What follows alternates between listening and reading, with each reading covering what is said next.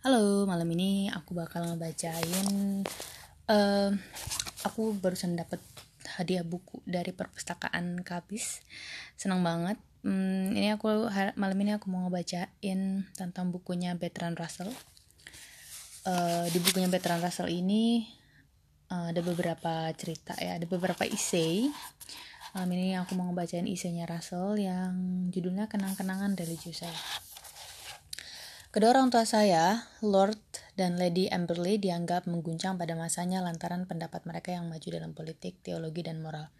Saat ibu saya meninggal pada 1874, beliau dimakamkan tanpa upacara religius apa pun di lahan puri mereka di Lembah Wei. Ayah saya juga ingin dimakamkan di sana, tetapi saat beliau meninggal pada 1876, wasiatnya diabaikan dan keduanya dipindah ke makam bawah tanah keluarga di Chinese. Menurut wasiat ayah saya, saya dan saudara laki-laki akan diasuh oleh dua orang temannya yang memiliki pandangan yang sama, tetapi wasiat itu diabaikan dan oleh pengadilan Cancery kami ditempatkan di bawah pengasuhan kakek nenek saya. Kakek saya, sang negarawan itu wafat pada 1878 dan janda beliaulah yang memutuskan jalan pendidikan saya. Beliau penganut Presbyterium Skotlandia yang perlahan-lahan menjadi Unitarian. Pada hari Minggu saya berganti-ganti diajak ke gereja Paris dan gereja Presbyterium, sementara di rumah saya diajari prinsip-prinsip Unitarianisme. Hukuman abadi dan kebenaran harfiah Bible tidak ditanamkan. Demikian juga tidak ada ajaran sabatarianisme selain saran agar menghindari bermain kartu supaya tidak mengejutkan para nelayan. Para pelayan namun, dalam segi-segi lainnya, moral sangat ketat dan diyakini bahwa hati nurani yang merupakan suara Tuhan adalah panduan sempurna untuk semua kerumitan praktis. Masa kecil saya soliter karena saudara laki-laki saya lebih tua 7 tahun dan saya tidak disekolahkan. Akibatnya saya punya banyak waktu senggang untuk melakukan refleksi dan saat berusia sekitar 14 tahun pikiran saya terarah pada teologi. Selama 4 tahun berikutnya saya menolak secara berturut-turut kehendak bebas, keabadian dan iman kepada Tuhan dan percaya bahwa saya sangat menderita selama proses itu walaupun saat selesai saya merasa jauh lebih bahagia ketimbang saat saya masih tetap dalam keadaan bimbang. Jika diingat kembali, saya pikir kesendirian lebih banyak mengaruhi ketidakbahagiaan saya ketimbang berbagai kesulitan teologis karena selama ini saya tidak pernah mengucapkan sepatah kata pun tentang agama kepada siapa pun kecuali secara singkat kepada seorang tutor agnostik yang segera saja segera saja dipecat agaknya karena dia tidak menghambat sikap tidak ortodoks saya. Yang membuat saya tetap senyap terutama adalah rasa takut akan olok-olok. Pada usia 4 11 tahun saya menjadi yakin bahwa prinsip fundamental etika seharusnya adalah promosi kebahagiaan manusia dan pada awalnya hal ini tampak bagi saya sudah terbukti dengan sendirinya sehingga saya kira tentu merupakan opini universal. Lalu saya menemukan yang membuat saya terkejut bahwa pandangan itu dianggap sebagai tidak ortodoks dan disebut utilitarianisme. Saya mengumumkan tanpa ragu lagi dengan kesenangan tertentu dan kata yang panjang bahwa saya adalah seorang utilitarian, tetapi pengumuman itu disambut dengan cemoohan. Nenek saya dalam waktu yang lama sekali tak menyanyiakan peluang untuk secara ironis mengajukan teka-teki etis kepada saya dan menentang saya untuk memecahkannya berdasarkan prinsip-prinsip utilitarian. Saya terkejut karena mendapati saya saat menyiapkan makalah Amberley bahwa beliau memperlakukan teman saya saat masih muda dengan perlakuan serupa dalam topik itu. Dalam kasus saya, Hasilnya adalah tekad untuk menyimpan pikiran-pikiran saya sendiri. Tentu demikian pula dengan paman saya. Olok-olok yang secara kasat mata untuk kesenangan belaka tetapi sungguhnya merupakan ungkapan permusuhan merupakan senjata favorit. Mungkin senjata yang paling buruk tak jauh dari kekejaman nyata dalam menghadapi anak muda. Saat saya menjadi tertarik pada filsafat disiplin yang lantaran beberapa alasan merupakan kutukan, saya diberitahu bahwa seluruh disiplin itu dapat diringkas dalam ucapan apakah pikiran itu tak penting, apakah materi itu abaikan. Pada usia 15 atau 16 tahun, repetisi ungkapan semacam ini tak lagi menghibur.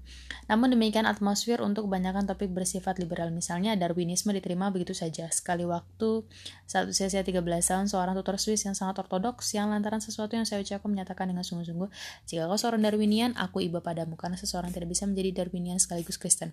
Saat itu saya tidak percaya pada ketidakcocokan, tetapi dengan sangat jelas saya sudah mengambil sikap, jika saya harus memilih, saya akan memilih Darwin. Ingat saat saya masuk Cambridge, saya hampir tanpa mengetahui berbagai gerakan pemikiran saya terpengaruh oleh Darwin All lalu oleh John Stuart Mill, tetapi yang lebih besar ketimbang keduanya adalah studi dinamika. Sesungguhnya pandangan saya lebih cocok dengan Cartesian abad ke-17 atau ke-18 ketimbang post-Darwinian. Bagi saya, semua gerakan materi ditentukan oleh hukum-hukum fisika, dan bahwa kemungkinan besar hal ini berlaku bagi tubuh manusia maupun materi lain. Karena sangat berminat pada agama dan tak mampu berbicara tentangnya, saya menuliskan pemikiran saya dengan aksara Yunani dalam sebuah buku yang saya berjudul Latihan Yunani dan agar penyembunyian itu kian komplit, saya mengadopsi sistem ejaan fonetis orisinal dalam buku itu. Di situ saat saya berusia 15 tahun saya menulis.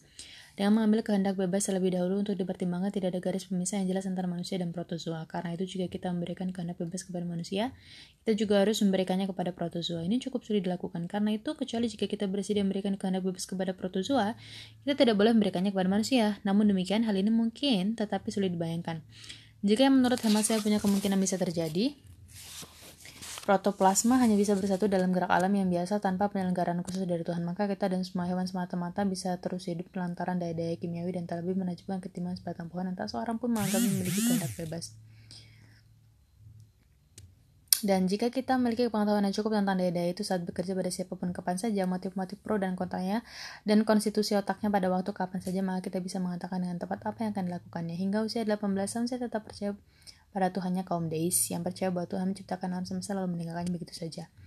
Karena argumen sebab pertama bagi yang bagi saya tampak tak terbantahkan. Lalu dalam autobiografi karya John Stuart Mill, saya mendapati bahwa James Mill telah mengajarinya untuk membantah argumen itu, yaitu argumen itu tak memberikan jawaban untuk pertanyaan siapa yang menciptakan Tuhan. Aneh sekali bahwa Mill punya pengaruh demikian besar pada saya karena dia adalah sahabat dekat ayah dan ibu saya serta merupakan sumber untuk banyak pendapat mereka.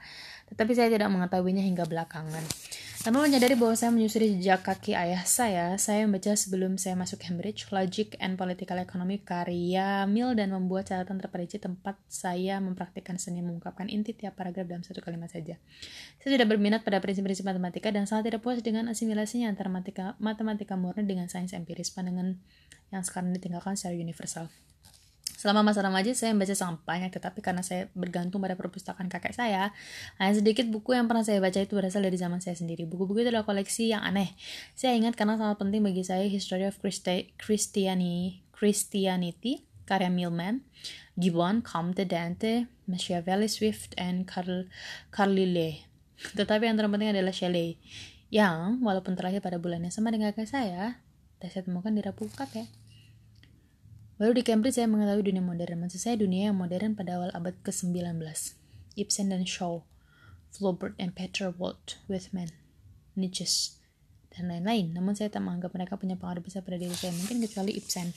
Orang-orang yang mengubah pendapat saya pada masa itu dan dua yang pertama adalah Meg Taggart di satu arah dan kemudian saya menjadi fellow G.A. Di area berlawanan, Meg Taggart membuat saya menjadi seorang Hegelian dan Moore mendorong saya untuk membalik berbagai opini yang saya miliki sebelum masuk Cambridge. Sebagian besar dari saya yang saya pelajari di Cambridge hingga susah payah kemudian harus dibongkar.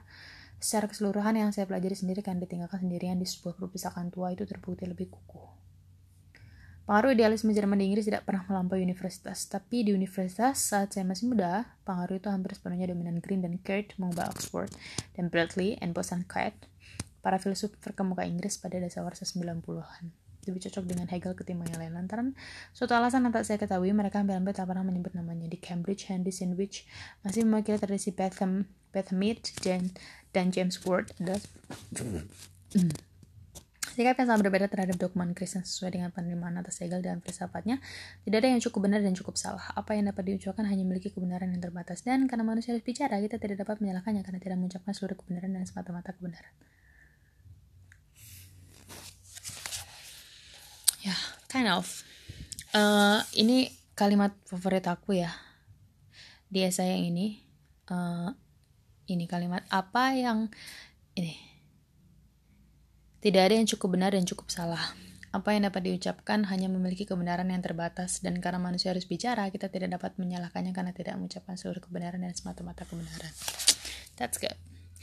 Uh, aku rasa uh, that's enough for tonight's um, isi for tonight's podcast kita bak aku akan balik lagi mungkin next next tomorrow tomorrow night.